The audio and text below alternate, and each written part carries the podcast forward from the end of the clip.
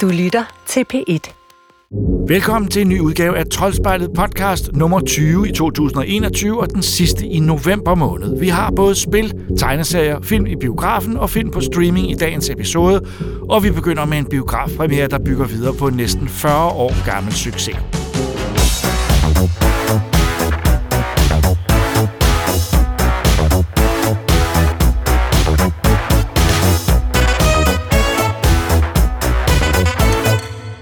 Ghostbusters er tilbage igen, og enhver fan af den oprindelige film og den oprindelige gruppe er med god grund en del nervøs for, hvad den nye film mund bringer. Er det gold, malkning, er noget, vi elsker, eller er der faktisk noget at hente i det hinsides Afterlife, som også er undertitlen på Jason Reitmans forsøg på at genopleve Ghostbusters.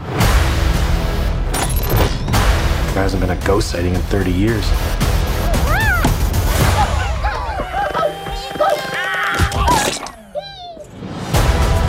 Oh my god. What is happening here? His grandfather was a Ghostbuster. Something was coming and he knew it.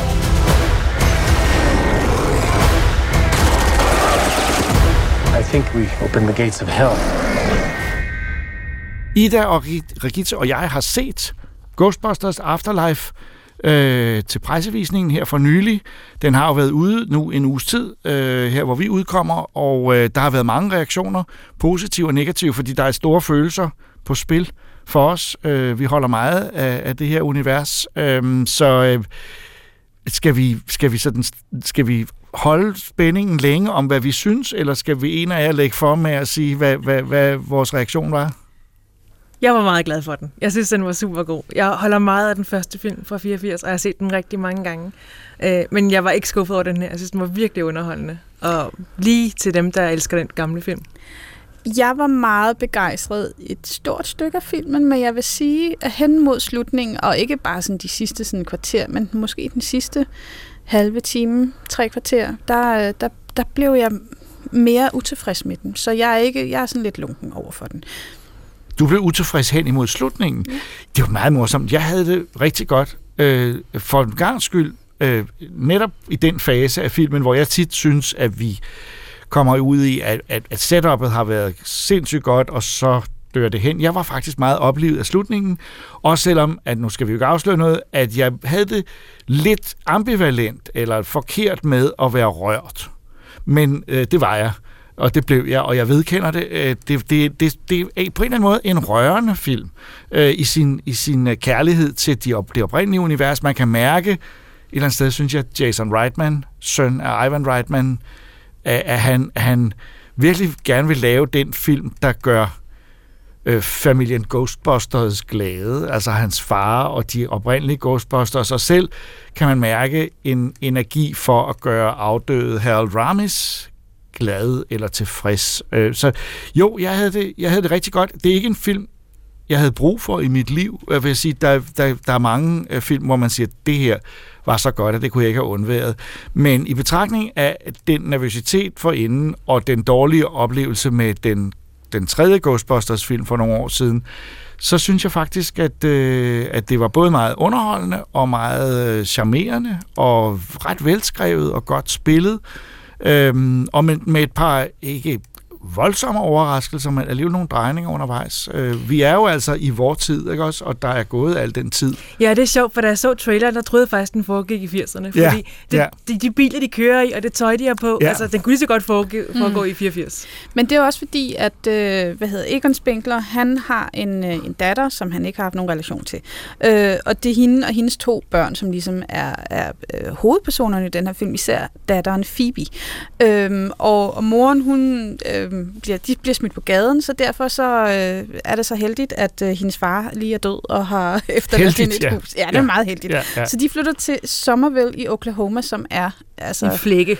ja, røv under 4. division. Ja. Ikke? Øhm, og, og det er også derfor, at det ser sådan lidt, lidt støvet og gammeldags ud. Der er også sådan en diner, med, hvor de serverer på rulleskøjter. Ja. Ikke? Og de pointerer endda sådan, gud hvor er det syret, at der er sådan et sted. Det er godt nok blast fra Ja, fordi det er en høj profil, altså det er virkelig en konceptualiseret diner, der ligner noget fra American Graffiti med rulleskøjte, øh, servitriser og, og, og det hele.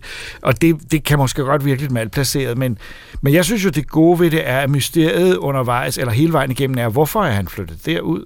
Altså, hvad skete der? Mm-hmm. Hvad er der sket? Øh, som vi heldigvis også får løsningen på, og det synes jeg faktisk er rart, at der er det der drive med, at, at det ikke bare er en ny samling spøgelser, de skal ordne, øh, men at, at der faktisk er en, en form for, uh, for mysterium, som, øh, som jeg godt vil, Ja, vil det- høre. Det ved jeg, jeg synes faktisk, at historien var ret ligegyldig i den her film. Jeg synes, den var, den var sådan rimelig forudsigelig og gik, som man havde forventet. Jeg synes, det der bare filmen, det var, det var de der børn. De spillede så godt. Den er generelt virkelig velkastet. Ja, Øh, McKenna Grace som øh, Phoebe her, den er 12-årige nørdpige, hun er super god. ja og så er der Øh, Finn Wolford, som vi kender ja, fra... Stranger Things. Ja, Det er hendes storebror. Ja. Øh, og så har de så hver især en, en ven, øh, Trevor, han begynder at arbejde på den der roller disco, hvor han møder pigen Lucky, som ja. Han jo bare bliver forelsket i ved ja. første altså øjeblik. han begynder at arbejde der for at møde hende. Ja, ja, han ser hende ligesom, at de er ude at spise den første Meget aften. Ikke? Og Phoebe, som jo er den her underlige, akavede nørd, hun øh, beslutter sig simpelthen for at gå i sommerskole for at få tiden til at gå med et eller andet, hvor at hun så møder drengen podcast. Ja. Øh, og han begynder bare at snakke til hende, og de to er lidt mærkelige, og derfor så svinger de. Og så har de jo så en underviser i sommerskole, som er Gary Gruberson, som bliver spillet af Sexiest Man Alive, Ja. Paul Rudd. Er han, er han, Han er er han lige det? Det er til. Er I, så, er I så glade for Paul Ja. Rudd? Ja, han er Ja, dejlig. han er rigtig god, han er vildt charmerende, og han, er, han spiller sådan en lærer, der er nørdet, men også er så ligeglad med at undervise de her børn. Øh, så han sætter bare Cujo på og Chucky for at få tid Ja. til at Ja, gå og det synes på jeg, det, det VHS. er på fordi skolen har desværre ikke fuldt ud, og det er også det, der får en til at mene hende om 80'erne. Ja. Er man i 80'erne, eller er man nu? Men det er nu, men de har kun VHS-udstyr i- på skolen, fordi vi er, øh, i- der, er ikke, der er ikke masser af bevillinger. Og så ser de Cujo, og det er selvfølgelig en, der, der, og den slags hilsner til 80'erne, er der jo ganske mange af. Den er faktisk blevet kritiseret for at overdrive fanservice, og mm. det synes jeg slet ikke er rigtigt. Altså, jeg, Ej, det jeg, synes jeg, jeg synes, det var meget diskret og hyggeligt. Ja. Ja, og jeg synes, det er sjovt, og jeg synes, det passer godt til hans karakter. Øh, for, og han er jo så også, viser det sig, meget stor fan af Ghostbusters, som jo var ægte. Det er jo, ikke, det er jo så ikke en film øh, fra 84, som, som han nyder. Det var jo Nej. rent faktisk De ting, der skete i New York, at De der fandtes, var en ja. masse spøgelser, Ja. og så har der så ikke været nogen siden. Og det, er også, det fungerer godt. Børnene sidder og ser de her klip på YouTube øh, fra 84. Ja. Øh, øh, Ja, der, de, de ser ikke et klip fra Ghostbusters-film, de ser den rigtige ja, reklame. de ser nyhedsdækningen. ja, ja, og nyhedsdækning. Det, Ja. synes jeg, det synes jeg også er meget fint. Ja. Øhm, Altså, jeg var meget, altså jeg synes virkelig, altså langt hen ad vejen, så var jeg virkelig glad. Jeg synes, det var en super sjov film. Jeg synes, det var underholdende. Jeg, synes, jeg kunne godt lide det her coming of age element. Jeg synes, de alle sammen spillede enormt godt. Så, øh, så, så, så det var virkelig bare sådan et, kram af en film langt hen ad vejen.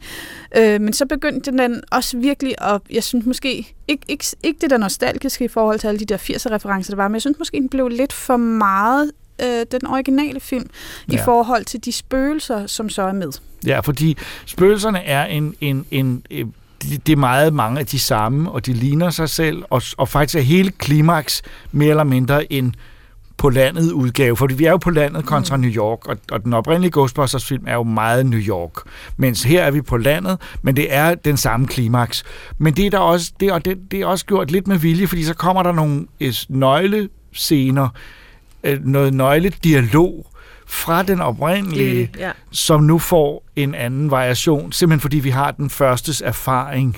Og det synes jeg er meget hyggeligt. Øh, øh, og så synes jeg, det er hyggeligt, og det er jo ikke nogen øh, øh, spoiler, at der er et gensyn med de oprindelige Ghostbusters. Ja. Øh, og de, øh, på en eller anden måde er der noget... Det kan altid være farligt at se komikere. Øh, altså, der var Marx Brothers optrådt nogle gange i film eller tv-sekvenser, da de var blevet gamle, og det var sådan... I det duede, det duede bare ikke rigtigt, mm. men jeg synes faktisk, de er meget hyggelige Ja. ja. og rare. Jeg vil sige, først var jeg skuffet over, at de var så lidt med, men det tror jeg egentlig er meget Ja, godt, fordi tror jeg også. jeg tror, det havde ødelagt det, hvis de havde fyldt mere, mm. end den der lille cameo, de har. Ja. Det eneste, jeg manglede den her film, det var Rick Moranis. I am the Keymaster. Han, ville jeg, Ja. han måtte godt lige have dukket op. Og Slimer mangler vi altså også. Øh, det her grønne spøgelse, som jo Hold fik en stor ja, rolle Rick Moranis i... øh, var ikke med. Nej. Nej. Altså, vi kan, jo, vi kan jo konstatere, at det i hvert fald ikke er Rick Moranis film skyld, at den ikke er blevet lavet. Han har jo trukket sig til dels tilbage på grund af noget personlig tragedie, øh, men er vist sådan lidt ar- Han er arbejdsom vist ved at være lidt tilbage, ja. ja. Men, men, men han var jo en af dem, der promoverede den allermest. Jeg kan huske, at der var masser af interviews med ham i sin tid, hvor han sagde, at det her skal være en tv-serie. Ghostbusters hver fredag klokken det og det, det kunne han virkelig se for sig. Mens øh, et årsagen til, at det har taget så lang tid at få den her film lavet, fordi øh, Reitman, Ivan Reitman har jo arbejdet på den længe, og Jason har så overtaget, det er jo Bill Murray, som gang på gang på gang på gang har sagt nej til at være med, øh, uanset hvordan det var serveret. Og så er der altså her til sidst, at det lykkedes at overtale ham, og man kan sige, at han gør det sindssygt godt, og det synes jeg også, øh, øh, de andre gør det, dem der er levende. hvad, det vil jeg ikke engang sige, de gør. Jeg vil sige, de er så lidt med, at, at jeg, jeg er dårlig nok fornemmer det. Jeg synes egentlig, det er Dan Aykroyd, som, som, som, Jamen, som gør er- det største indtryk ja, ja, ud, af, ud ja. af de originale Ghostbusters. Ja, altså nu er der jo det ved det, at der er faktisk, øh, Ernie Hudson har også en, en del øh, øh, at lave, øh, synes jeg, øh, specielt, og det skal man sørge for at blive siddende, for der sker noget under slutteksterne. Det synes jeg, vi skal gøre opmærksom på. Øh, der sker noget meget vigtigt. Ikke for plottet, men for ens Ghostbusters øh, fanside. Mm. øh, kan vi godt øh, sige Jo, det? jo, jo, man skal blive siddende. Der er to post-credit scenes. Ja. Ja. ja. Øhm, det, som jeg har som anke mod den her film, det er, øh, at de her børn jo, øh, de finder både Ecto-1, altså Ectomobilen, og de finder alt det her udstyr til at fange spøgelser, men jeg mangler lidt den der læringskurve, de har i forhold til at fange spøgelserne, der synes jeg faktisk, at det går lidt for let, især i betragtning af, at det er børn, og lige bortset fra Phoebe, som jo er genial, så er de altså temmelig klumpedumpet, nogle af dem. Så jeg, jeg, der, der, der, der mistede den simpelthen for mig, og det er sådan en ærgerlig ting at slå ned på, men, men, men det samtidig, fordi at den samtidig også har, altså jeg, igen, jeg var barn, da jeg så Ghostbusters først, og synes den var ret uhyggelig. Øh, især den der Keymaster og Gatekeeper, de her underlige bjørne øh, spøgelsesvæsener, synes jeg var sindssygt skræmmende, og der er altså nogle elementer i den her film, selvom jeg nu sidder her 39 år gammel, hvor jeg og jeg er ikke, jeg er ikke sart. Jeg blev simpelthen så forskrækket et par gange. Så det er sådan en underlig blanding af, at den er lidt forpattet til, til, til slutningen, og så har de her skræmmende elementer. Og det var bare noget, hvor det lige sådan øh, kortsluttede i mig, jeg og så blev jeg ikke, det irriteret. lyder da meget godt, altså. Jamen, nej, men det, ja, jeg synes bare, at jeg manglede, jeg manglede bare, at Ja. de her børn lige... Altså, der skulle være brugt 10 minutter mere på, at de, de lærte det lidt bedre. Jeg synes, at de kom lidt for nemt efter det at fange spøgelser. Når man tænker på de gamle film, og de altså, klovner rundt på biblioteker og hoteller, og jeg ved ikke hvad, øh, og har meget svært ved det. Jeg synes at det lykkedes for dem på hotellet allerede første gang. Nå, okay. De er smadrer det hele jo. Jamen, Ja, det gør, ja, ja, men det gør de hun da også. spøgelset. Hun, fanger, hun smadrer det også Jo, jo, byen, men hun er en øh, lille pige. Ja, ja. Jeg synes, Ja. ja. det var bare, altså jeg, så jeg var glad he- hele vejen, og så synes jeg bare lige, at det, at det blev lidt for smart, hurtigt og ja, overfladisk. En af de grunde til, at jeg synes, at det virkede som det oprindelige Ghostbusters, altså det passede, det var et, den hørte sammen med den. Det tror jeg skyldtes musikken, øh, og det var en af de ting, der gik galt i træeren, som slet ikke rigtig forholdt sig til det musikalske og bare skrev noget ny musik. Der er en ny komponist, øh, krediteret Rob Simonsen, øh, men øh, det er lidt svindel, fordi det er altså Elmer Bernsteins to-tre meget vigtige temaer, og der taler jeg ikke om Ghostbusters-sangen af Ray Parker Jr., men de oprindelige temaer, han skrev, som Simonsen har skrevet om. Og, og Bernstein er krediteret ganske, ganske lidt til aller, aller sidst, men jeg synes, det er lidt fup. Men det gode ved det er, at han har gjort det, så han har simpelthen arrangeret de temaer, sådan så man hele tiden har den rigtige lyd. Øh, og det tror jeg er vigtigt, at man tror i, i, i genskabelsen af, at vi er, vi er det rigtige sted. Mm. Øh, så et, et, det er mærkeligt, fordi det her er en Ghostbusters-film, vi anbefaler, øh, dybest set. Øh, men vi har alle sammen forskellige øh, indvendinger mod den. Øh, men vi er vel enige om, at, at øh, øh, man ikke behøver at være bange for at gå ind og se den. Nej, det skal Nej, man endelig ikke. Fordi ja. Den, den kan noget, og den er ikke, øh, den er ikke øh, øh, det er ikke en, en falsk eller en, en, en Ghostbusters-film, der malker Nej, universet. overhovedet ikke. Og jeg vil sige, jeg, jeg var ikke så begejstret, da jeg havde set trailerne oprindeligt. Jeg tænkte, at de var... Jeg tænkte, åh oh, nej, det, det, det her, det lover ikke godt. Og der blev øh, filmen gjort det virkelig til skam. Filmen er langt bedre end trailerne, og filmen det er en rigtig god film. Øhm, så, så men vi kan bare diskutere slutningen, øh, når folk har set det Ja. på et tidspunkt. Men altså, jeg tror, vi siger, øh, siger, at vi konkluderer, at I godt kan se den, og så tager vi diskussionen øh, resten af dagen nu her på kontoret. øh, den skal vi ikke indblande i, fordi det bliver nok øh, for, for mange detaljer. Men øh, øh, Ghostbusters Afterlife, øh, der er liv i dem endnu. Are you a god?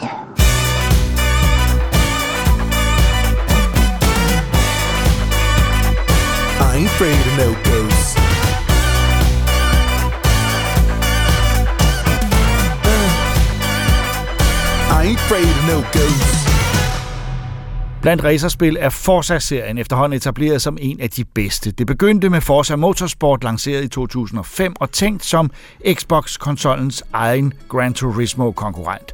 Mange spil fulgte, og det fik så også en lige så, hvis ikke endnu mere populær spin-off-serie med navnet Forza Horizon, som nu er nået til det femte spil. Stadig kun til Xbox, men altså nu Xbox One, og Xbox Series X og X, og til PC. Troels har brugt en hel del timer på den nye udgave.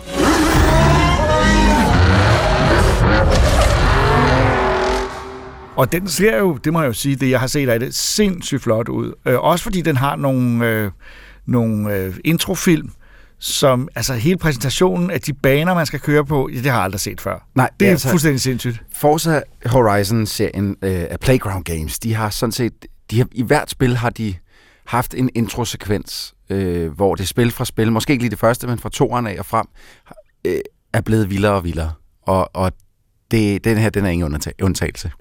Altså, for at forestille dig, se et, et, et, sådan et, et militært øh, øh, cargofly der komme flyvende sådan en henover. Hercules, ikke også? Ja, sådan Hercules, lige Ja, ja, præcis. ja. Ja. Og så bliver du kastet ud i din bil, en Ford Bronco, den nye model, øh, som, øh, som kommer her lige om lidt. Bliver du kastet ud med en faldskærm, lander på en aktiv vulkan, drøner ned ad den indtil klip, så ser du det der samme øh, Hercules-fly kaste en øh, meget hurtig Ferrari ud, Mm-hmm. øh, og så kører du ind i en sandstorm og kører videre.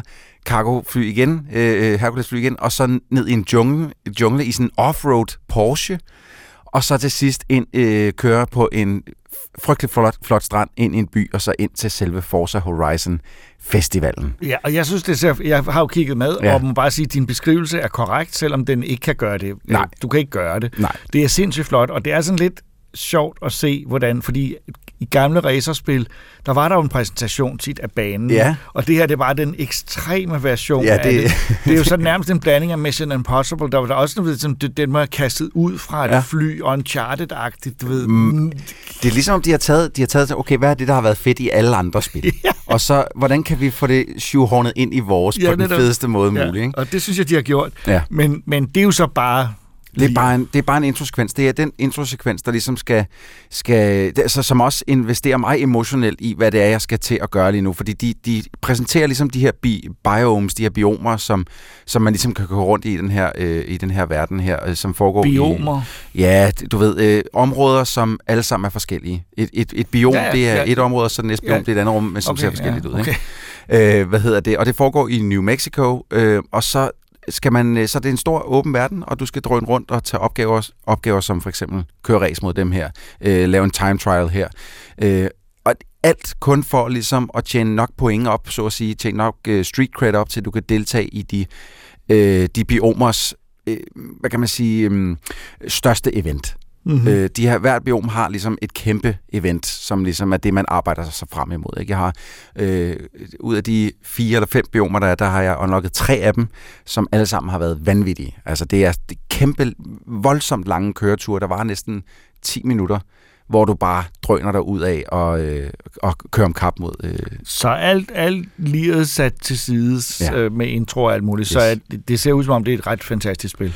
Øh, Jakob, det her, det er ikke bare... Jeg vil sige, det er det bedste bilspil, der er udkommet på, øh, på Xboxen. De nye Xboxer, for den så skyld også de gamle, som det også er udkommet til Xbox One, og Xbox One S, øh, og Xbox One X. Der kæft, der er så mange konsoller Ja, men der det, snart. du hvad, det er, du hørte også i, op i introen, Ja, ja, jeg, jeg, kunne, jeg snublede også over det, fordi det, det, ja, Der er mange konsoller lige nu, men det, det er fuldstændig fantastisk. De har, jeg synes virkelig, Playground har taget al den erfaring, de havde fra de tidligere spil, proppet det ned i det her og forfinet deres teknik øh, op til øverste hylde. Altså det, det er virkelig, virkelig, virkelig godt. Det er så sjældent, synes jeg, at jeg sidder og spiller bilspil, som hvor, som formår at investere mig i det, og hvor jeg rigtig hvad gerne mener vil du? det. Altså, du ligesom virkelig er... Jeg lever mig ind i dig. Altså, jeg, jeg vil virkelig gerne, jeg vil gerne videre. Jeg vil gerne låse op for noget nyt, for jeg vil se, hvad det er, de har planlagt for mig. Jeg vil gerne se de løb, de har planlagt for mig, fordi jeg endnu ikke ud af de adskillige timer, jeg har lagt i det, altså øh, 30 timer måske, jeg har siddet og spillet,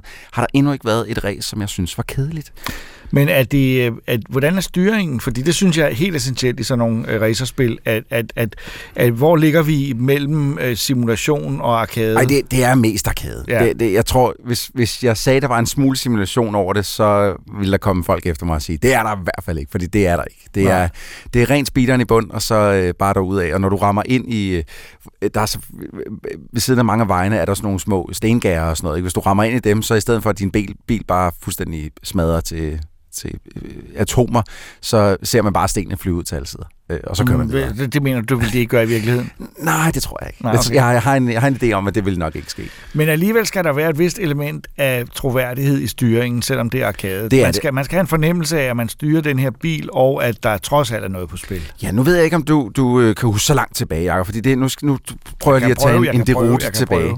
Øhm, første gang, jeg spillede Sega Rally 2, øh, det gjorde jeg i en arkadehal til at starte med, Ja, og senere på Sega Dreamcast.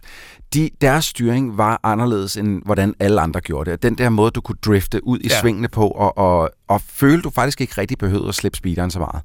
Det, det, det er det, de har arbejdet ud fra i det her. Og styringen er super crisp. Der er praktisk talt ingen lag fra, at du gør noget på controlleren, til det sker inden. Selv der, der er to uh, game modes, du kan spille med. Du kan spille performance mode, hvor den kører 60 billeder i sekundet, og så kan du spille quality mode, hvor den kører 30 billeder i sekundet.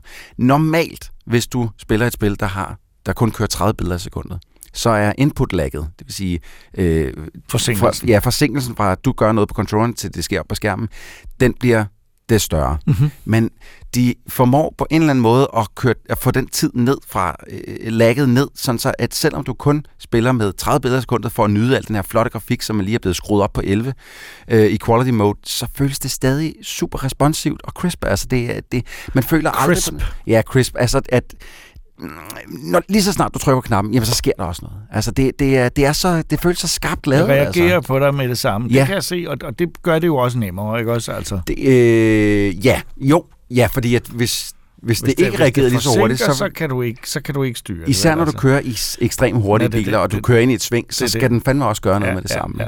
Så, så de har... Øh, jeg, kan ikke, jeg, har, jeg har svært ved at se, hvad fanden skal de gøre i Forza Horizon 6, fordi jeg kan ikke forestille mig, at de rent teknisk kan gøre det bedre, end de har gjort med Forza Horizon 5. Jeg ved godt, det er, det er store ord. Selvfølgelig kan de altid lave en ny verden, man kan køre rundt i, men, men jeg har virkelig svært ved at se rent teknisk, øh, at det skal kunne gøre det bedre. Men altså et racerspil med masser af timer i sig, og ja. På, på alle måder perfekt nærmest. Øh, find lige en fejl. Jamen, jeg, jeg har ikke nogen, Jacob. Det, Okay. det, jeg har vidderligt intet. Jeg har ikke en finger, jeg kan sætte på det. Der er ikke nogen boks, jeg har lagt mærke til. Der er ikke nogen grafiske ting, hvor jeg sidder og tænker, åh, det kunne jeg godt tænke mig var bedre.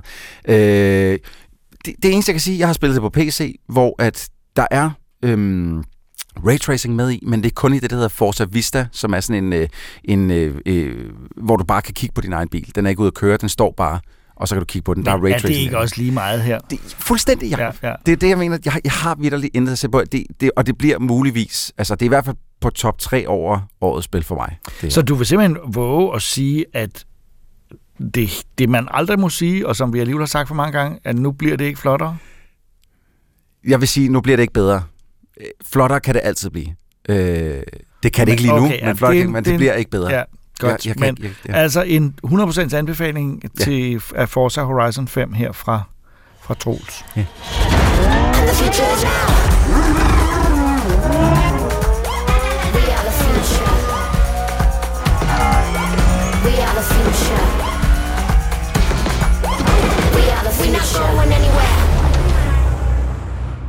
Dyr som mennesker er et klassisk format i tegneseriernes verden, og det kan drejes i mange retninger. Her er nu en klassisk hårdkogt privatdetektiv, som er en kat.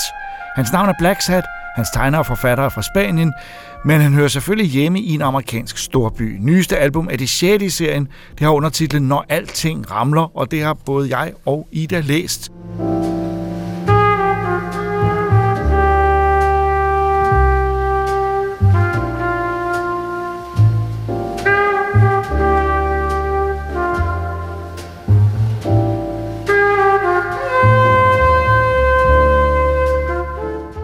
Og øh, han er jo, altså, det er jo, det er jo en verden, hvor alle er dyr. Øh, så der er jo, det er jo ikke, og det er jo set før, dybest Mhm. set. Og de er ikke de samme dyr. Det er jo ikke, fordi de alle sammen er Nej, nej. katte, eller muldvarpe, eller pindsvin, eller hvad det kan være. Så det er meget sjovt. Øh, Det er jo nemt at tillægge nogle værdier til hvert enkelte dyrrace. Og det er der jo faktisk også i, i det her hæfte, hvor at, at der er nogen, der sådan arbejder ned i metroen, og det er selvfølgelig muldvarpe og andre sådan dyr, der holder til i jorden. Øhm, Ja, og det er jo et stort, det er en voksentegnserie, kan man sige. Forstået på den måde, at det er en, en detektiv, der op, optrævler noget politisk, øh, nogle revkager og noget kæmpe byggeri og, nogle, og noget bestikkelse og, og gangster bag ved det hele. Og der er jo altså nogle, nogle klare paralleller til en moderne storby, hvilken som helst. Det kunne være metrobyggeriet. er det ikke lidt, er det ikke sådan en, det er ikke, det er ikke i vor nutid, det findes. Er det ikke sådan noget 50'er, 60'er? Jo, det er det måske nok, men altså, vi har jo de samme former. Jeg, jeg synes egentlig, det er ret tidløst på en eller anden måde, mm. øh, øh, fordi vi har jo de samme, altså alle store byer har, og samfund har de der gigantiske byggerier, som, som, øh, som øh, de onde tjener penge på, og som de, øh, de læflende politikere, øh, øh, som vil bevare magten, er nødt til at, at gå med på. Øh, det har vi jo herhjemme med metrobyggerier og store, øh, store øh, broer og alt muligt. Øhm, og så er det altså samtidig en historie om de der folk, som du netop siger, dem der, der lever i skyggen mm. nede under jorden og er undertrykte. Så det er jo samfund, og det er også en samfunds, øh, altså på alle måder en, en øh, samfundskritisk, i hvert fald en samfundsafslørende historie. Øh, hvad synes du om tegningerne? Jamen, jeg er, altså, jeg er jo ikke til noir-historier. Nej, det er du ikke. Det, det er noget, du og jeg har snakket om i andre Men det sammenhænge. forstår jeg ikke, for noir er Men- den bedste genre, der findes. Men den her kan jeg godt lide. Nå, Jeg det var er godt. vild med, altså, men det er, jo, det er jo fordi, jeg simpelthen bare bliver så pirret af, at det er dyr, og de er fantastisk tegnet. Altså, det er Blacksat, som jo er vores hovedperson, han er enormt muskuløs og, og øh, charmerende tegnet. Altså, han, han har et udtryksfuldt ansigt, der, der, der udstråler alt muligt, og han er enormt sympatisk. Men så er der jo også nogen, der er, er mere griske og grumme og alt muligt. Jeg synes, at det, det giver enormt meget liv og saft til den her fortælling, at det ikke er mennesker, men er dyr. Altså væslerne for eksempel er selvfølgelig øh, øh gangster, og så er der øh, byggematadoren, som, som har sat det hele i scene, er selvfølgelig en, en, en ørn, øh, som vi i en meget flot scene her, som jeg, en side, som jeg har kigget på flere gange med fire tegninger, ser ham stå på toppen af en af, af bropillerne i et kæmpe byggeri, han selv har sat i gang. Det er, er, er vildt flot. Øh, så den, den, den, den, jeg synes tegnemæssigt også, at den er, den er helt fantastisk. Tegningerne øh, er, er, øh, er, han hedder Juanjo øh, Gua- Guanido, og han har tegnet dem alle sammen. Der er faktisk, som sagt, i den sjette album, og jeg har læst dem alle sammen. Ja, har- det er første gang, jeg støder på, på Blacksat, men jeg har set de her øh, hæfter stående i, øh, i øh, Ja, de er meget butikkerne. smukke. De er Ja, meget de er smukke. flotte. Der har faktisk også lavet et computerspil øh, med ham for et par år siden, som, øh, som ikke var så fantastisk øh, godt at spille, men som var meget flot at se mm. på. Øh, så det er jo en, et univers, hvor klassiske film noir Chinatown-agtige elementer, øh, så er, er, er formuleret med dyr. Og der sker jo det med de der dyr, at det gør det jo ekstra fascinerende at se på, men man er jo ikke i tvivl om, at det er mennesker. Mm. Altså, selvom ja. at Blacksat er en kat, så er han jo også et menneske. Øh, og det er altså utrolig effektfuldt, men jo ikke første gang. Jeg kunne ikke lade være med at tænke på øh, Disney-filmen Zootropolis, Ja. eller Zootopia, øh, som faktisk også handler om et, et moderne samfund, Ja, og der er også noget mafia og noget øh, Præcis. revkage, der Ja. foregår i bare. Så der er nogle paralleller, men jeg tror måske, hvis man skal sige det, så er nok den, der er inspireret af Blacksat. Øh, Tror du det? ja. Og, ja, den er også før. Blacksat går, lidt- går nogle år tilbage. Mm. Men jeg synes jo så samtidig også, at Blacksat er inspireret af en belgisk tegneserie. Jeg læste meget i 70'erne, som hed Inspektør Carnado. Det var en øh, falderet øh, øh, privatdetektiv. Han var så mere drikfældig, øh, og han røg cigaretter, og han var øh, i det hele taget ikke sådan... Han var ikke af den fineste moralske støbning, som Blacksat jo til dels er. Øh, men, øh, men det var lidt det samme, og det var, det var en and. Men det var, det var stadigvæk en detektiv, og det var det der noir-miljø. Der var det mere parodisk, øh, men jeg holder meget af Canardo. Der er faktisk for nylig udkommet en samling af Canardos øh, tegneserier, som, Mm. som hermed er anbefalet, hvis man vil forske lidt i det. Men Blacksat er altså en, Ja. Ja. en udløber af Funny Animal-traditionen. Det kunne lige så godt være Anneby, ikke også? Altså. Jo, jo, eller, eller den svenske parodi Arne And, for eksempel. Ja, ja, ja. men det, altså, så det er jo i sig selv ikke nyt, men altså, jeg synes, at den, altså, den tegnestil og den detaljerigdom, der er, er ret unik. Altså, det er, det er meget, meget realistisk. Ja, der er mange Øh, sider, man kan sidde og nok. kigge, kigge på længe, fordi de er så fascinerende, også fordi miljøerne er så fascinerende, Mm. men også synes jeg, at deres skuespil, altså deres ansigtsudtryk er så tydelige, og det tror jeg også er noget, derfor tegner godt kan lide at bruge dyr. Mm. Fordi man kan nemt lave dem så overdrevne, at de ikke virker overdrevne, men til gengæld er meget klare og tydelige. Ja. Og så er der nogle lidt absurde ting med, med ham her. Der er en, en, en, øh, en af de små øh, gode Ja, er- personer, ja. som er meget forelsket i en... en, en, en Ja, hvad er hun? En, en ræveagtig ting? Er hun ikke en hest? Nå, okay, det kan man diskutere lidt. ja, det kan man diskutere, Jeg og synes- en, der er en lama, og sådan, Er og farvesætningen Ja, ja, ja. er også enormt smuk. Ja. Altså, nogle sådan lidt mere douche farver, og så ellers sådan nogle klare, nogle sådan, men altså, det er, det, og der, der er så mange dybder i det. Altså nu, øh, altså den måde, man får plads, præsenteret Black Sat på, altså man har fornemmelse af, at der er sindssygt mange lag i ham, og der er ligesom hele tiden en lille smule, der bliver skrællet af, uden at man får hele den der kæmpe beskrivelse af, hvem han er, og hvorfor han er, og hvad han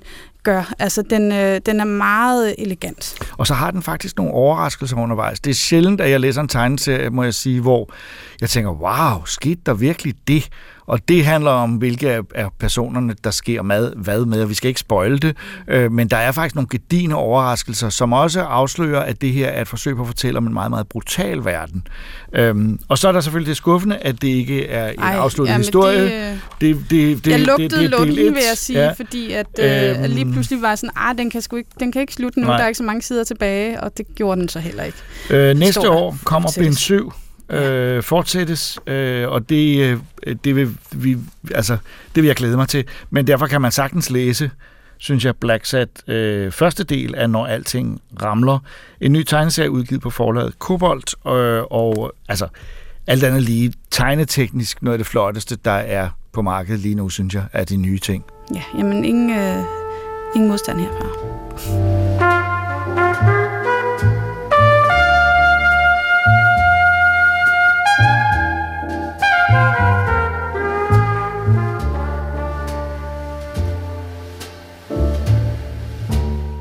Tidligere på måneden udkom et nyt kapitel i Call of Duty-spilserien. Spillet har undertitlen Vanguard, og det er selvfølgelig et krigsspil, som i denne version er henlagt til 2. verdenskrig. Skaberne på Sledgehammer Studios gør meget for at variere serien, men spørgsmålet er, om der er noget nyt at hente. Troels og Benjamin har spillet Call of Duty Vanguard.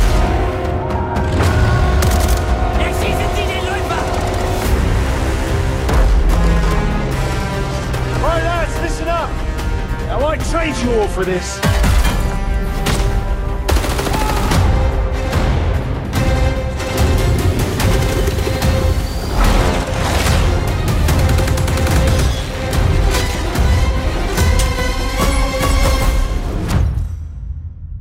Nå, Benjamin, så sidder vi her igen. Uh, yes. Call of Duty Vanguard, den her gang fra Sledgehammer Games. Ja. Der er jo nu tre studier, der laver Call of Duty-spil. Der er de originale Infinity Ward, så der er dem, der hedder Treyarch, som laver Black Ops-spillene, og så har vi de sidste nye i gamet, Sledgehammer Games, som er nu er ude med Call of Duty Vanguard. Et, et, et Call of Duty-spil, hvor de er gået tilbage til 2. verdenskrig. Igen. Efter Det- ellers det har ligget det og... der- ja, igen, de det, hopper det, det er lidt frem og tilbage. tredje Call of Duty-spil, er det ikke? De lavede, de, de lavede Ja, Advanced jo, Warfare, jo. så lavede de World War 2, og så har de så lavet Vanguard nu. Ja, lige præcis. Så det, det, ligner lidt, at det er dem, som der laver, øh, hvad kan man kalde det, 2. verdenskrigsspil. Ja, fortidskrigsspillene, så at sige. Yes. Nå, jamen altså, nu kan, jeg kan lige hurtigt komme med min, fordi jeg har, du har sikkert spillet en, et smule mere, end jeg har, så jeg har, jeg har givet det et godt skud, Yes. vil jeg sige.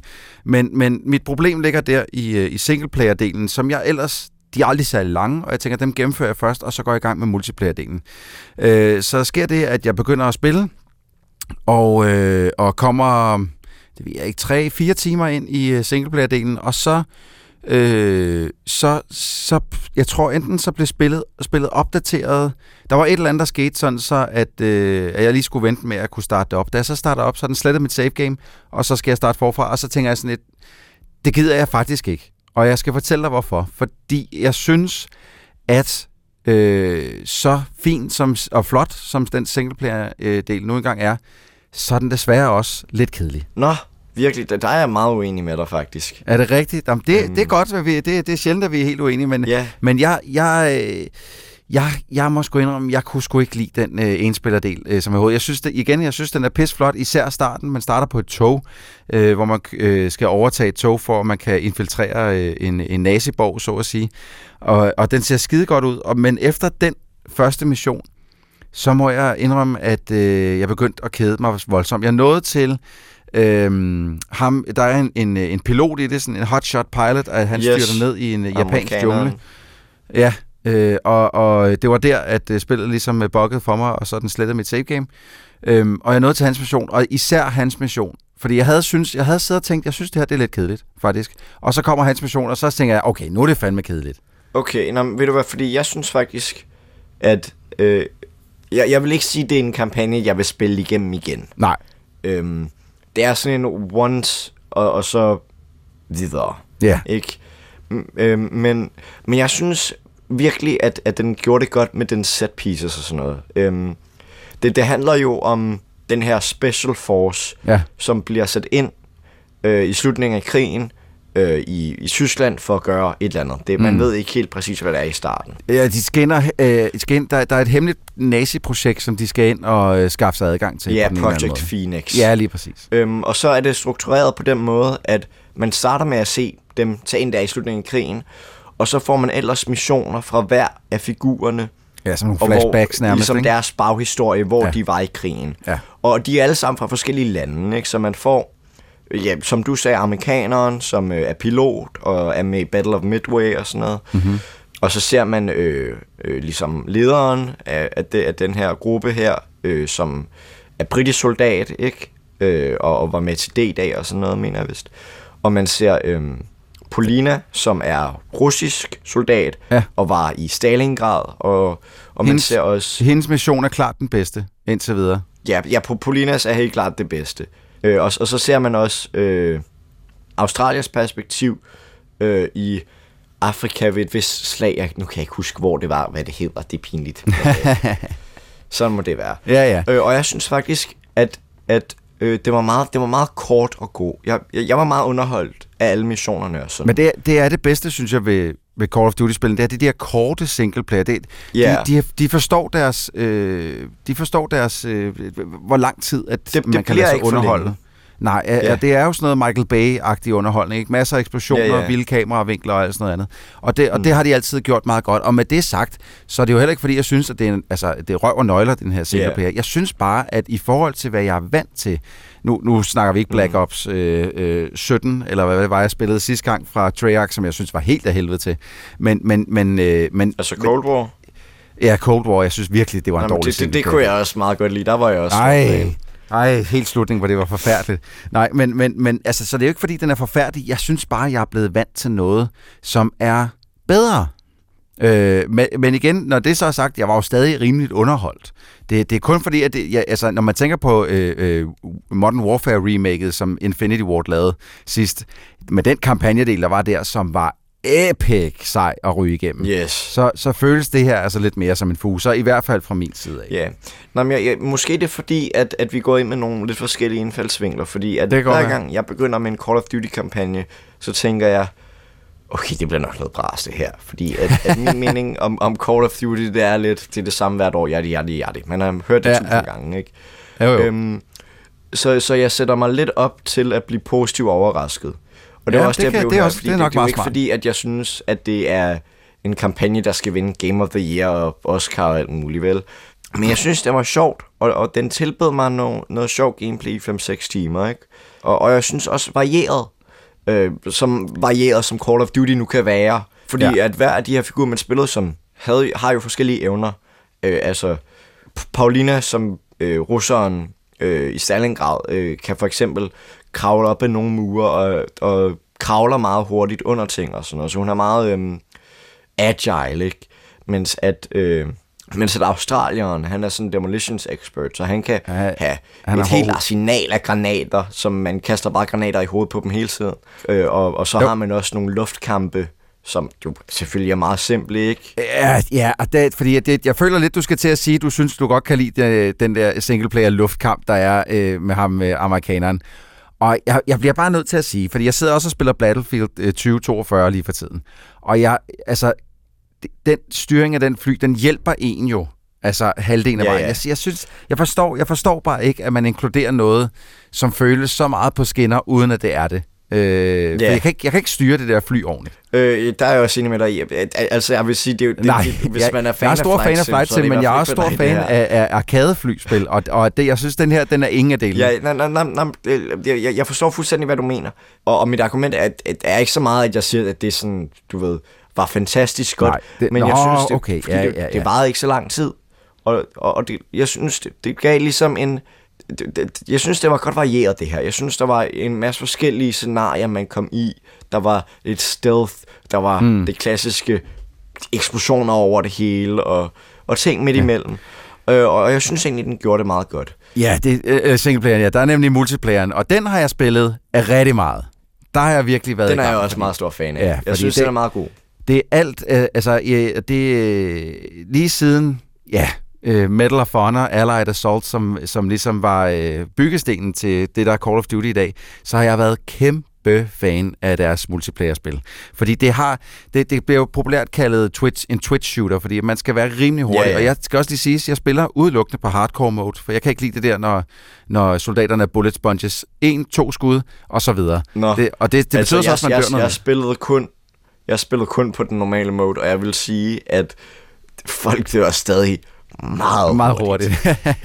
Jamen, hvad, hvad, altså, øh, så, så nu, der, nu vil jeg så udlægge min øh, øh, holdning til, hvad jeg synes multiplayeren er her. Fordi det, som i, i, øh, i de tidligere Call of Duty-spil, især dem, som har været, øh, der har foregået i fremtiden, eller mere, mere nutid eller fremtid, end, end, end vi har her, øh, har jeg ikke, er jeg ikke blevet træt af som sådan, men nogle gange så er, der, så, så er dem, man spiller mod, de er blevet så sindssygt gode til det, øh, og har fået alle de rigtige attachments, sådan så at, at, at våbnene nærmest rammer af sig selv. Forstår du, jeg mener? De er super præcise.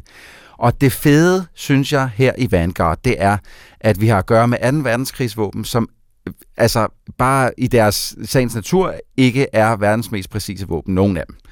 Øh, der er selvfølgelig sniper rifles, og så er der M1 Garanten, som er mit yndlingsvåben overhovedet nogensinde i spil. Øh, som, som er super præcis, men ellers, altså lige snart du tager noget, der kan skyde øh, mange kugler af meget hurtigt, så rammer de sådan her, brrrr, altså det hele, det, Ja, ja. det er svært at ramme noget som helst med dem, ikke? Øh, og det synes jeg er rigtig fedt, fordi det, det, det leveler playing fielden lidt ud.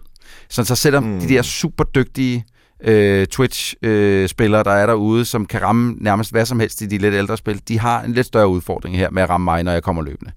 Det kan jeg godt lide. Og nu er jeg også 38 år gammel, og øh, er ikke lige så hurtig, som jeg engang var, øh, Benjamin. Så derfor har jeg brug for al den hjælp, jeg kan få.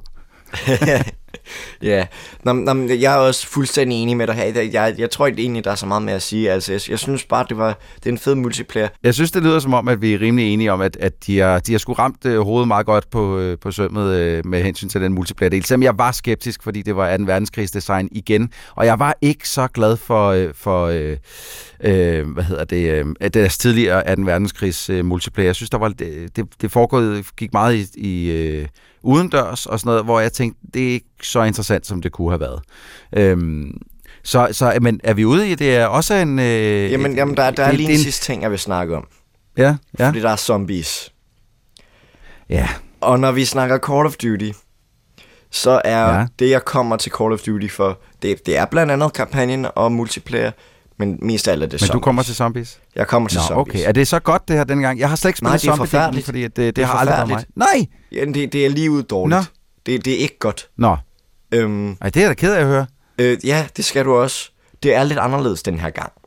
I stedet for at det bare er normalt rundebaseret, hvor du får point til at købe våben, og der er en mystery box og åbne døre og sådan noget. Så det, det er stadig rundebaseret. Men du er i sådan et hub world til at starte med, som er bare i den multiplayer mapsene, ikke? Hvor du så tager nogle portaler, som er en loading screen ind til enten en anden del af det multiplayer map, som du befinder dig på, eller et andet map, øh, et tidligere zombies map, eller en, men kun en lille del af det, hvor du så får et eller andet objektiv. Det kan være overleve i så og så lang tid, samle nogle ting sammen, eller beskytte et eller andet, og så når det er over, så kommer du videre. Det er simpelthen dårligt, fordi at, at, at til at starte med, det er meget nemt. Ja. Altså, der går lang tid, før at du faktisk skal prøve, for ikke at dø til zombierne, ikke? Og der er en loading screen mellem hver runde, Og for mig var de der loading screens ikke forfærdeligt lange, fordi jeg spillede på en computer med en SSD, og det var ikke så slemt. Men jeg har hørt fra folk på konsoller og med lidt langsommere computer, at så sidder man der i rimelig lang tid og venter. Ja, det er sat med ærgerligt. Og det bygger sig bare op. Og, og det, gør mig, det gør mig meget Ja, deprimeret. det kan jeg godt forstå, især hvis det er den mode, du ser set frem til. Så altså, okay, vi har en nogenlunde kampagnedel, vi har en rigtig god multiplayer-del, og så har vi desværre en, Yes. en skidt, skidt zombie-del. For, forfærdeligt. Ja, okay, men Yes. så, så synes jeg også, at vi har, øh, vi har øh, vejledt øh, lytterne til, hvis, hvad, hvad øh, de nu engang er til i Call of Duty, hvad de så, om de skal købe det eller, øh, fordi, eller spille det eller ej.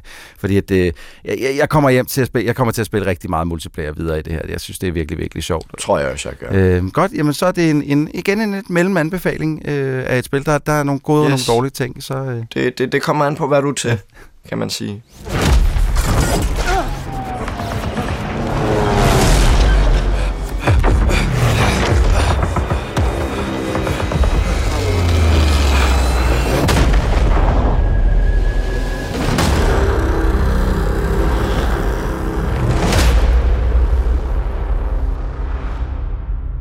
Yoko Ogawas roman De tabte minders ø udkom oprindeligt i 1994 i Japan, men efter 27 år er den nu blevet oversat og fundet vej til de danske boghandlere, og det er ikke bagateller, bogen handler om, men derimod, hvad der er væsen i livet. Regita har læst bogen De tabte minders ø.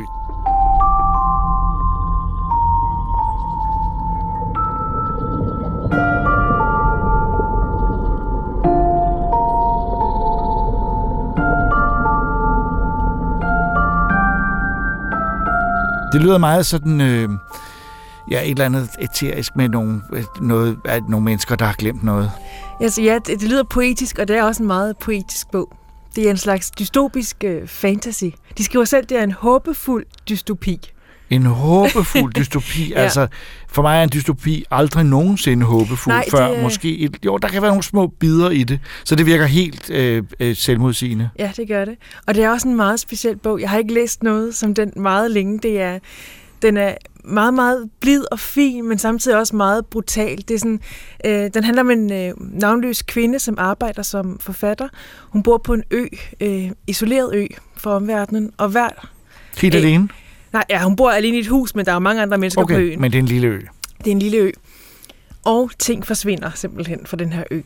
Hun vågner en morgen, og så kan hun mærke noget er forsvundet. Så går hun ud, og så kan hun se, nå, nu er det fuglene, der er forsvundet. Altså, så store ting. Det er ikke bare noget med, at der mangler en saks eller noget. Nej, det er ikke bare, fordi hun har, hun har lagt sin saks et sted, hun ikke kan finde. Og der er ingen kleptoman det er på simpelthen, Nej, det er simpelthen ting, der forsvinder, og det kan være alt muligt. Det kan være øh, roser, det kan være parfume, det kan være smaragder. Parfume? Det kan være mundharmonika. Det, har ingen, det tror jeg ikke, nogen har noget imod, at mundharmonika forsvinder. Jo, der er nogen, men det, vi- det er underlige folk. Men er det, så, men er det så, er, du siger fuglene, så er alle fugle væk lige pludselig, Ja. så luften er fuldstændig uden fugle. Så ser man simpelthen fuglene flyve op af man sted. ser det, at de tager De ser, de ser tit forsvindingen, ja.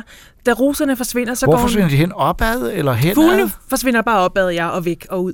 Og så er de der ikke mere. Og alle dem, der så har fugle i buer, de kommer og afleverer deres... Øh, de går så et sted hen og lukker fuglen ud, og så lader dem flyve væk. Hvorfor det? Fordi det skal de.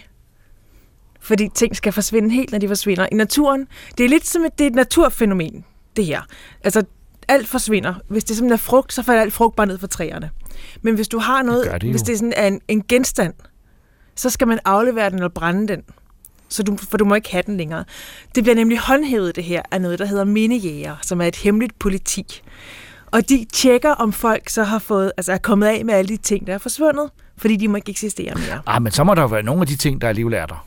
Ja, fordi der er, Der er nogen, der gemmer dem, Der er skjuler nemlig- dem under gulvbrædderne. der er nemlig nogle mennesker, der ikke glemmer de her ting. Det fungerer nemlig sådan her, at når tingene forsvinder, så glemmer folk dem også.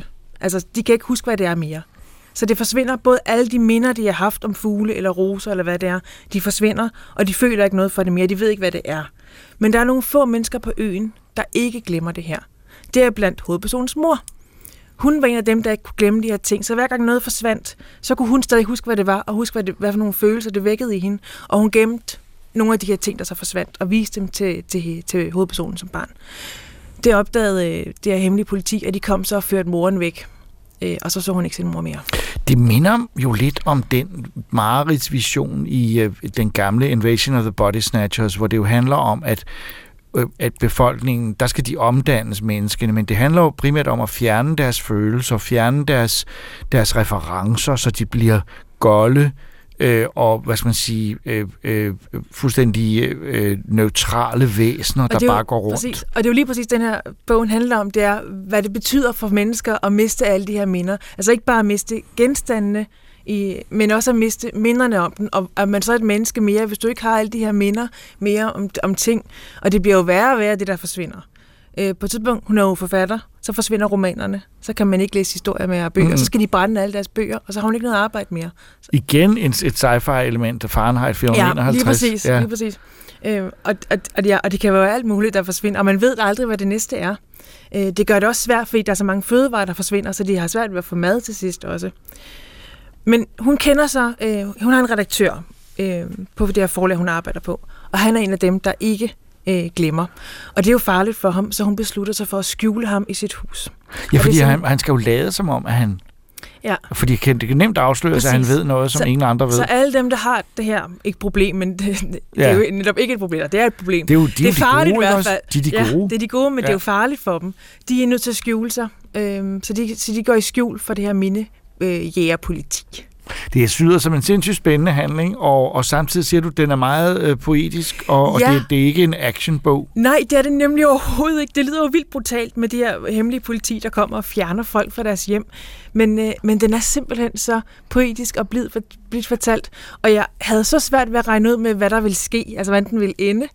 Øhm, og den er... Øh, der, der sker mange ting, men, men det er simpelthen... Jeg ved ikke, om det er, fordi den er japansk også, men det er simpelthen det mest høflige dialog, jeg nogensinde har læst i en bog.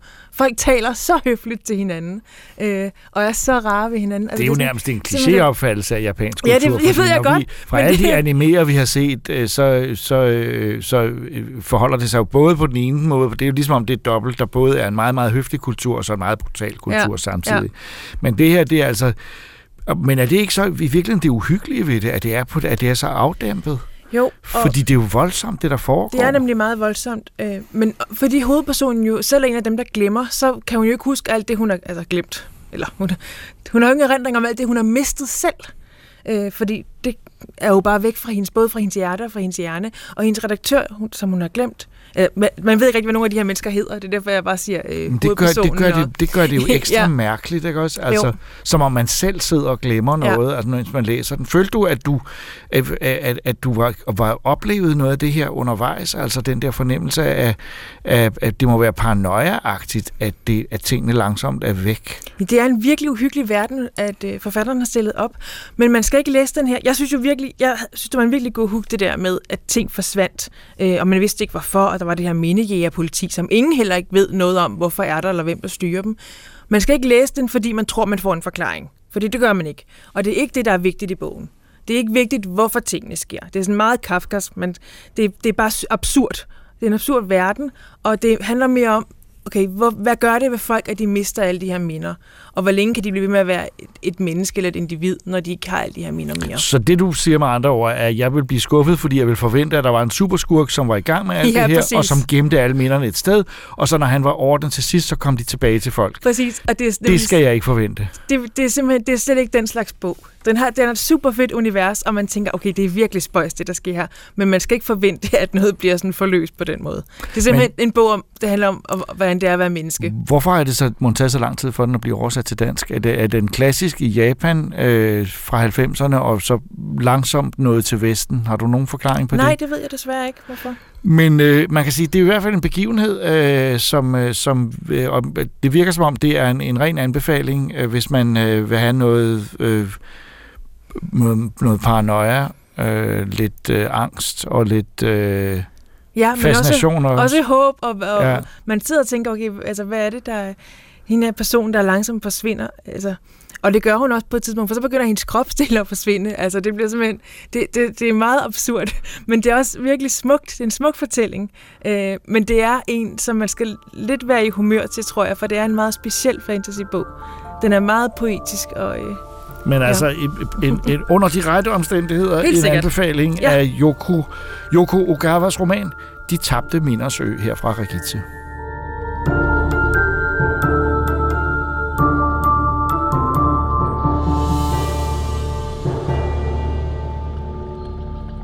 En næsten hyggelig postapokalyptisk historie. Kan man forestille sig det? Jo, det har folkene bag filmen Finch helt sikkert tænkt, at man godt kunne, så hvis man nu hyrede Tom Hanks til rollen som en mand, der er helt alene i verden sammen med en hund og en robot, så kunne det nok lade sig gøre. Finch havde premiere på Apple Plus for nylig, og den var ikke rigtig til at komme udenom for os. Ida og jeg har set Finch med Tom Hanks og især en robot. What, what shall we have? Get your elbows off the table. Get your elbows off the table. All right, you're next. You see, I'm developing something interesting.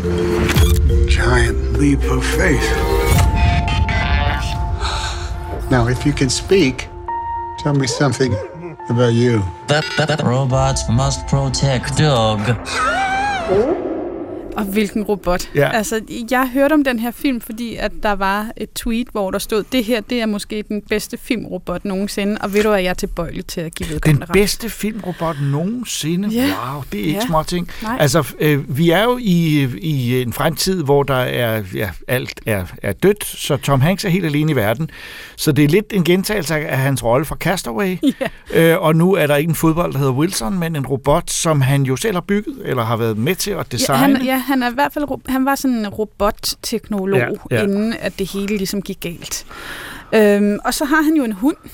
Det har han også, ja. Ja, og, og i virkeligheden er den her robots funktion, at den skal kunne hjælpe med at tage sig af hunden, fordi at, jo, han er alene, men han vælger også at være alene, fordi at der er jo mennesker et eller andet sted, men han har ikke rigtig lyst til at Man ser dem aldrig. på. Man, man ser dem langt ude i det fjerne og mærker, at de er der. Og det er lidt uhyggeligt. Han er, en, han er, dy, han er bange for alt. Ja, Og så er han syg. Og så er han syg. Ja. Det kan vi øh, godt afsløre, Det kan ja, vi vist godt afsløre, fordi det finder man meget hurtigt ud af. Og det er jo klart, at han bliver syg. Han, øh, man, man, han, han bor på sådan et, øh, et nedlagt hvad er det, en fabrik af en art, hvor han ligesom kan være i sikkerhed, fordi at vejret er gået amok, det er vilde tordenstorme, og han kan jo ikke gå rundt udenfor, når der ikke er skyer, fordi at solen er helt væk. Så der er et tidspunkt, hvor han ligesom illustrerer, hvor farligt det er for ham at gå i dagslys, og han bliver solbrændt, altså virkelig sådan en tredje Ja, han, er som det, altså, han reagerer nu på sollys, som vampyrer gør til daglig, ja. ikke? Også han bliver nærmest til støv. Så Ja. der skal han ikke ud. Så det er et, et, og så har han altså, men den her robot, som du er så glad for, øh, Ja. den, øh, den, øh, den har jo også, uh, altså den har han jo givet personlighed. Eller har den fået jamen, det jamen, selv? Det, det ved jeg faktisk ikke. Nej, det forklares faktisk Fordi ikke han har, rigtigt. han har også en lille hjælperrobot, som hedder Dewey, Ja. men den har ikke sprog. Nej. Og den er sådan meget, den er sådan meget, altså sådan lidt, lidt ikke wall men nogle af de der andre sådan arbejdsrobotter-agtige Mm. Ja, ting. Den kører lidt rundt, og, men har, har altså udtryksfuld på en eller anden måde, men den, den, den, den kan jo ikke hjælpe ham, som, som uh, robotten Jeff kan. Og den er jo, den, den er jo øh, øh, sådan en humanoid-agtig ting, ikke? Den har ben og arme og øh, ansigt og kan altså tale. Ja, Øhm, den, den taler, og den taler meget øh, øh, mere og mere varieret og personligt, og, Ja. og man og det, der vel er det væsentlige ved det, og det, der gør, at man falder for den, hvis man gør det, så er, at den har, den, øh, har personlighed og følelser. Mm. Ja, og den udvikler sig, det, men, men problem, det som er en af de store udfordringer, det er, det her vejr er dramatisk. Øh, Tom Hanks og company, de er nødt til at tage øh, til, øh, er det San Francisco, fordi at det over Ja. på den anden side af bjergene forhåbentlig er, Er der måske en miljøet tåleligt sollys? bedre der. Ja. Øh, men, men han er nødt til at smutte afsted, inden at Jeff, han er fuldt færdig, fordi at han når kun at få 72-73 procent øh, upload, digitalt upload af Mhm. information. Så han har altså en, en rimelig stejl læringskurve, ja. ja, som, øh, som de kommer hen af. Men bortset fra det, så er det jo også bare, hvad er den menneske, og hvad, hvad er tillid for eksempel? Det er noget, de snakker om og reflekterer over. Så der er altså virkelig nogle sjove og charmerende, og også nogle dramatiske øh, hændelser undervejs i den her film, som udvikler sig til at blive en slags road movie. Ja, og Tom Hanks er jo, er jo på alle måder, han er jo god til at bare være Tom Hanks, eller til at, at, at, at spille den der rolle. Og jeg, det minder mig meget det er lidt som Castaway møder Chappie, øh, som for øvrigt også var en vildt charmerende robot øh, øh, i, øh, i, en, i en film, som er meget overset, synes jeg, øh, som også var en robot, der var gennem den der læringsproces, langsomt at finde ud af tingene, ligesom en baby, men nu er det altså bare en, en robot. Øh, jeg må så sige, at jeg synes faktisk, den var lidt kedelig jeg, jeg, jeg, jeg synes, det var meget forudsigeligt, hvad der, hvad der skulle foregå, og jeg kunne næsten fra starten sige, okay, de skal altså få det her forhold til hinanden, og den her robot skal blive sødere og sødere og hyggeligere og hyggeligere. Øh, og, og på en eller anden måde var det som om, at jeg havde set mange af de ting før, øh, og det er ikke nogen, altså Hanks gør det strålende, altså han kan ikke gøre det bedre dybest set. Øh, og øh, mange af situationerne er også virkelig skægge. Det, jeg, det var mere situationer, synes jeg, som jeg kunne have set isoleret. Jeg synes, den, den, den, den øh, trak historien ud i langdrag øh, på en måde, så jeg til sidst var sådan, jamen vi har forstået det, vi skal føle noget for den her robot, og den var jo den var fulde to timer, og, og kunne godt have været, altså hvis jeg skal være helt ærlig, så tror jeg godt, det samme kunne være fortalt i en episode af Love, Death and Robots på, på Netflix i animationsserien øh, der med robotterne, øh, hvor man også fik en masse robotter med forskellige personlighed. Men du er meget, meget glad. Jeg, du synes, du er lidt du, for, jeg tror, du er lidt for kynisk, men, men du har jo ret i det. Det er ikke en originalfilm på den måde, men jeg synes bare, at den fungerer. Altså, Tom Hanks er jo, har jo bevist mange gange, at han er god til at være eneste menneske på lærredet. Ja, øh, og det er han. Og det, det er, er han. Altså, og Man han, er interesseret i, hvad han ja. gør, og hvad han siger. Men Nå, men... Øh, øh, ja, og så synes jeg synes også, ham, der lægger stemme til robotten, Caleb Landry Jones, en ung skuespiller, som blandt andet gjorde sig bemærket i Free Billboards Outside Ebbing, Var han med i den? Okay, hvad han, spillede han der? Han er den der øh, øh kontormand, som ah, lader ja, hende ja, købe, ja, lege sig ja, ind på de der billboards. Ja, ja, han er sådan en, en ung rødhøret type, som også er med i den nye Twin Peaks uh, Return. Ja, men du er helt ret i, at stemmen er ufattelig god. Øh, den er det, meget udtryksfuld, og det, jeg kan godt lide det, det der med, at den, ja, jeg kan godt lide at det med, at den også udvikler sig fra at være mere metallisk ja, til også ja, at, at blive rigtigt. mere, altså den har stadigvæk noget robot i sig hele tiden, så det er ikke fordi, at den, men, men jeg, jeg synes bare, at det er en super, super sød film. Altså den er vinende sød, men det var lige det, jeg havde brug for. Jamen det, det vil jeg så også sige, det var også derfor, jeg i starten sagde, kan man lave en, en, en hyggelig film, der foregår i post-apokalyptiske omgivelser. Og det mm. skulle jo, altså det er jo, det, er jo, det illustrerer jo, hvor meget vi kan få ud af den idé om verdens undergang. Vi bliver mere og mere fascineret af den, og vi tror mere og mere, at det kommer til at ske på en eller anden måde, fordi her er det vejret, og det tror vi måske går amok snart. Så, øh, og jeg synes også, at den er godt instrueret i sekvenser. Det er Michael øh, Sapot, Sapot, Sapochnik. Sapochnik. Ja. Det er godt og sagt. Han, øh, han er Game of Thrones instruktør. Ja, han har lavet seks afsnit af Game of Thrones. Han som er, er nogle af de bedste øh, efter sine. Og han er instruktør på House of the Dragon, det første afsnit, som kommer i den første sæson. Så han er ligesom, ja, hvad det hedder, det er vel en slags hovedinstruktør på den nye Game of Thrones serie, der kommer. Han har lavet rigtig mange serie øh, afsnit. Ja. Øhm, og den eneste film, jeg kunne se, han sådan har lavet, det er Repo. Som er en sci-fi film, og også ja. en sci-fi action film øh, om, om sådan, øh, øh, ikke robotter, men øh, mm. mennesker med forskellige former for, for modifikationer. Ja. Og manuskriptforfatterne er også nogen, som ikke har den store erfaring. Jeg vil lige kigge på deres IMDb. Den ene har skrevet en kortfilm, og den anden har ikke rigtig lavet. Han har været noget associate producer på, på Blade Runner. Så, øh, så det, det er en lidt specielt øh, flok, der står bag. Altså ikke de mest erfarne sådan ud i, øh, i film.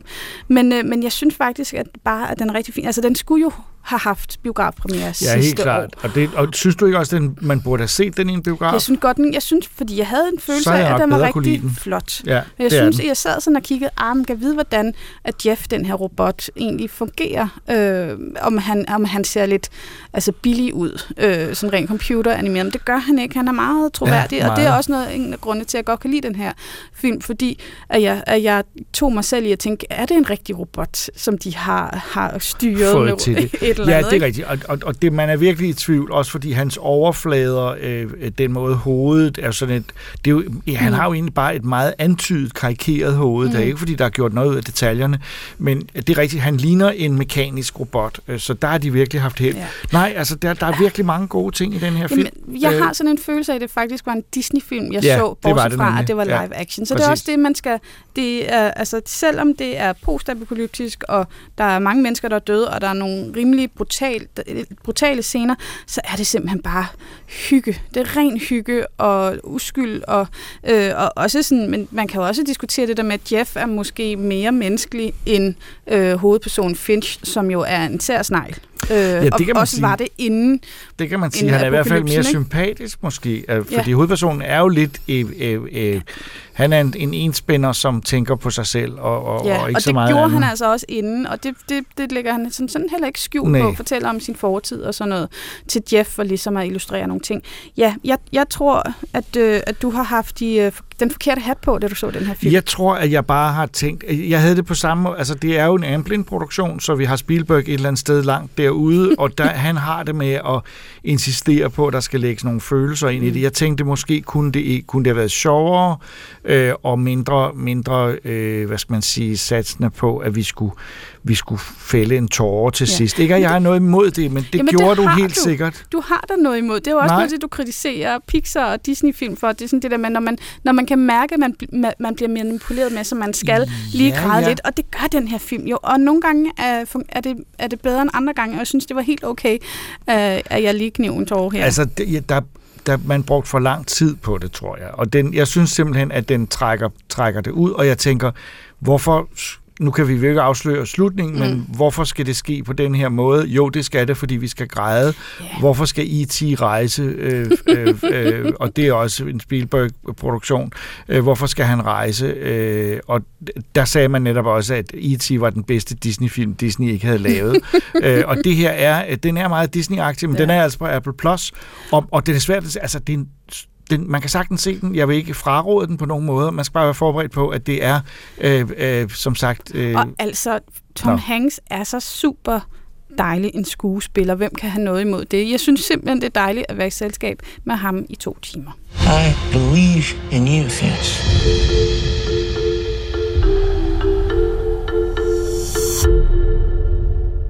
Det er måske lidt svært at forstå, men det er faktisk over 25 år siden den sidste udgave af det historiske strategispil Age of Empires udkom. Så det er jo lidt af en begivenhed, at der nu er en fjerde udgave på banen. Den foregår i middelalderen og meget ligner det, man kender. Spørgsmålet er måske, om denne type spil er ved at være forældet. Troels har prøvet Age of Empires 4. The Mongols are here. Call up the archers. And deploy on the east wall. With incendiary arrows. Og, og altså, det har jo altid været lidt, lidt øh, ikke topmoderne spil selv, heller for 25 år siden. Øh, Nej. Og det er altid set en lille smule øh, Ja, øh, ja. stift, og, og, og, de, men, men de har, altså, hvem har, alle har været fascineret af det på et eller andet tidspunkt, ikke også? Jamen, Age of Empires-serien var faktisk... Altså, jeg har spillet en del af til spil. Jeg var kæmpe fan af dem, især øh, i mine teenageår. Og... Øh, men men jeg, du ved, jeg kom meget hurtigt ind i sådan noget Red Alert-spil, øh, fordi det var krig. Ja. Uh, det, var, Ja, det var lidt det var sjovere. Men det, der så var godt ved Age of Empires-serien, det var, at det hele... Så der er også krig der med bue og pil og det ene og det andet, men det hele føles som om, at tempoet var en lille smule langsommere, Ja, som præcis. altid har Ja. bedst, været bedst til mig. Ja, men det, alt tror jeg, mange rushing har det på den måde, at, at hvis man skal have strategi, skal man også have tid. Ja, man skal have tid til at opbygge en kæmpe fæstning, ja. og så, så gør man sådan her, kom så til fjenden, og så kan de prøve at bryde ind, og det kan ja. ikke lade sig gøre, og så smadrer man dem. Ikke? Det var ligesom min ting.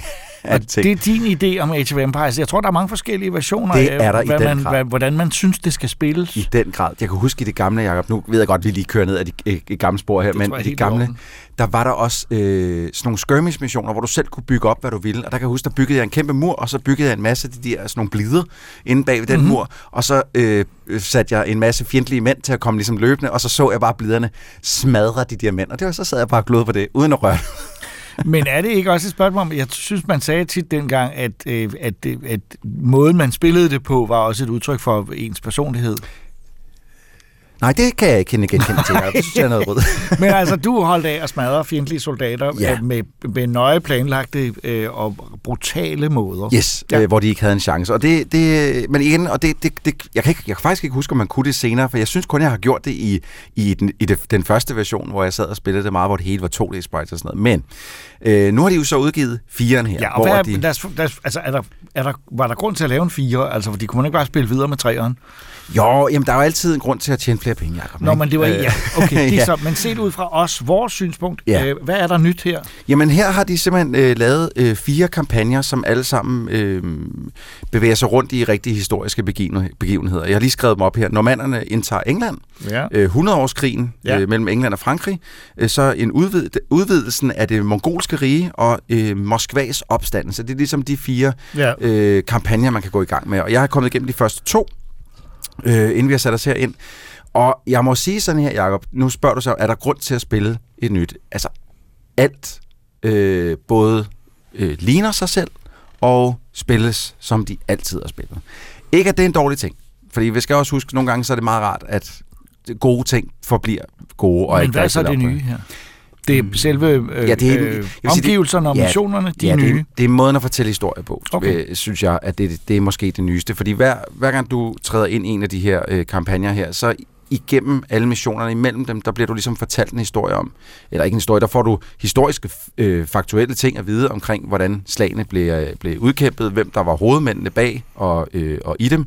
Øh, på en meget fed måde faktisk, de har været i England og i Frankrig og sådan noget, og tage rigtige, altså ud af rigtige kamera, filmet de steder, øh, hvor øh, slagene øh, øh, hvad hedder det, blev øh, kæmpet. Ja. Og så har de øh, puttet en lille bit smule af sådan meget øh, stille og rolig computergrafik ovenpå, så man ligesom kunne se, okay, herover stod fjenden, og her var dem her, og her clasher de sammen. Og så, bum, så øh, knipser man lige ind til gameplay, hvor man så kan se en øh, simili øh, af det samme, ikke? Øh, bare oppefra. Det lyder netop som, og det, sådan synes jeg også altid, det har set ud. Det, det er altid set lidt historietimagtigt ud. Ja, det er det også, Øh, og, men så med den forskel, at man kunne gøre, hvad man vil.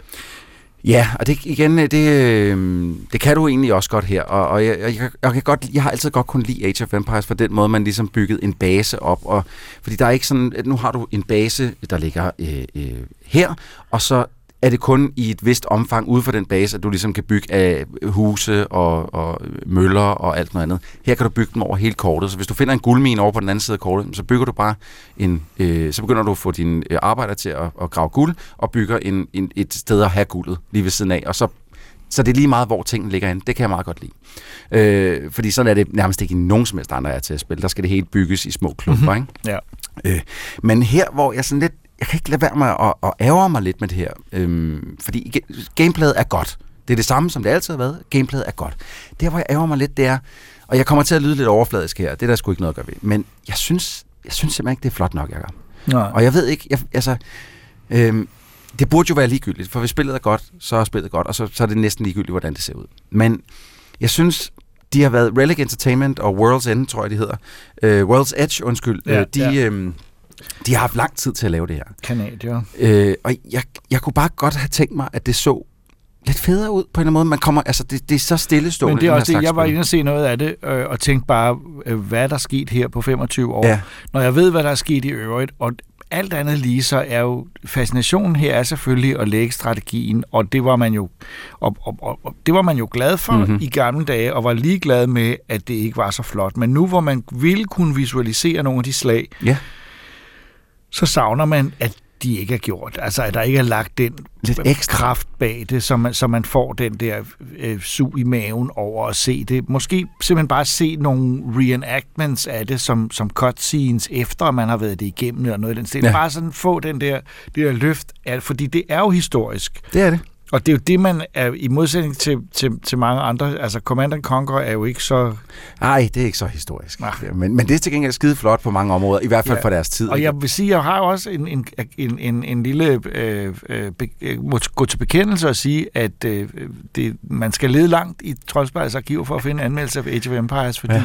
vi nåede ikke rigtig at få det gjort, fordi det er et af de spil, der ikke ser så spændende ud på tv-skærmen. Nej, Og det gør det sgu ikke. Men vi havde masser af Command Conquer, som heller ikke ser så spændende ud, men alligevel, der, der, Ja, der- der er var lidt mere gang- i den. ja, det var lidt mere altså, gang Det gik lidt stærkere, og der var øh, mere, mere øh, øh, smæk for skillingen, Ja. ikke også? Men altså, det, det, og fordi du har fuldstændig ret, når man sidder, hvis, hvis jeg sad som seer, øh, da jeg var yngre og så Troldspejlet, så ville jeg måske heller ikke, jo, nu var jeg fan af det, men det er måske ikke alle, der vil synes, det var skide spændende at se et isometrisk kig ned på en bane, hvor alting står relativt stille. Ikke? Øhm, og, og her, der, fordi det er det, man gør også her, det er, at du sidder bare og glor på den her bane og sender øh, tropper det ene sted hen og arbejder det andet sted hen.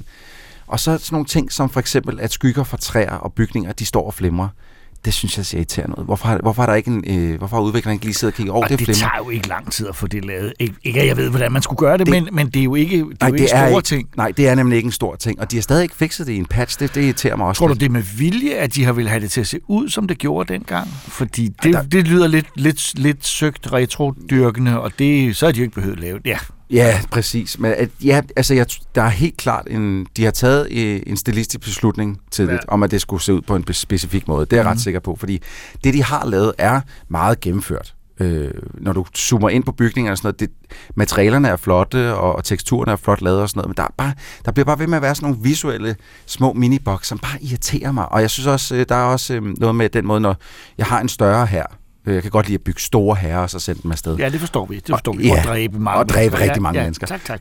og når jeg så sender dem afsted, så synes jeg også, deres, den måde, de ligesom tracker, når de, den måde, at computeren siger, "Men nu skal du gå her fra A til B, det, det, det, det, det ser, jeg kunne godt tænke mig, at det så lidt mere realistisk ud. Øh, fordi de, de, de går ligesom nogle gange i sådan, du ved, i 90 graders vinkler, så går de op, så skal de venstre, så vender de sig sådan der med knips 90 grader, og så går de til venstre. Gør lidt mere ud af animationen. Jeg, jeg skal sidde og glo så lang tid på noget, som ser så langsomt ud, så, så får det til at se lidt bedre ud for min skyld. Det kunne jeg rigtig godt tænke mig. Og jeg kan fortælle dig faktisk, da vi var op øhm, hos, øh, hos øh, Slipgater og øh, 3D Realms, der øh, så jeg faktisk en meget tidlig udgave, som, som ikke er blevet annonceret endnu, eller noget som helst andet, men de, var, de er i gang med at lave en RTS derop, som ser vanvittigt flot ud. Altså helt sindssygt flot ud i forhold til det her her. Så altså, det kan jo lade sig gøre. Jeg forstår bare ikke, at vi ikke kan få en, en næste generations Også version. fordi her har de jo altså et, en, et spil på hænderne, som millioner har spillet, bogstaveligt talt verden over. Ja. Så, øh, så, der, så altså, det er ikke den varmeste anbefaling herfra. Altså, det er ikke et dårligt spil, det fungerer, Bestemt men, men Age of Empires 4 kunne godt have lignet, at det kunne være øh, 2021. Det ville have været dejligt. Hermed sluttede Troldspejlet podcast for denne gang. Næste episode kommer om to uger. I studiet var jeg, Jakob Stelmann, Ida Rud, Christoffer Andersen, Rikita Heiberg, Benjamin Stelmann og Troels Møller, der også klippede podcasten. Tak fordi I lyttede med.